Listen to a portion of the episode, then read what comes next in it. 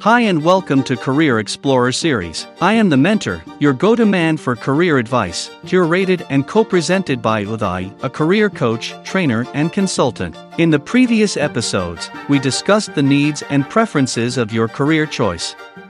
We talked about how your choice is the important one since you are creating your career. Your research on career choices should include networking with people who are already in that careers. Since they are already on the job, they can tell you about. First, the nature of their job is what they will do in their work hours from morning to evening.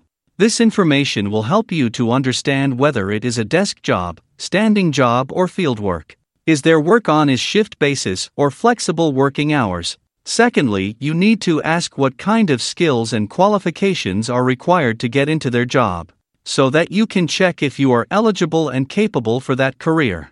Third, they can give some insights about earning potential in their field, such as salary and incentives they get in their work. Initially, you might feel this information is essential, but I caution you on this there will be a time when you will not run behind money, but want to live a stress free life.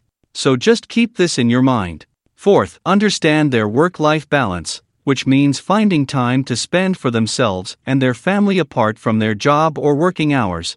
Finally, you can check with them whether they can help you in your career by guiding you if possible. For example, supports you in getting you a job or internship. This contact will come in handy because you have someone to back you in the job market. In the present scenario, getting reference and referrals for job opportunities gives you a slight advantage when considering that job as your career option. Knowing your career preferences and your contacts support, you might have some idea about your career choices. What you need to know is whether you really have the skills matching your choices. How can you find that out? To learn more, stay tuned for the next episode of the Career Explorer series.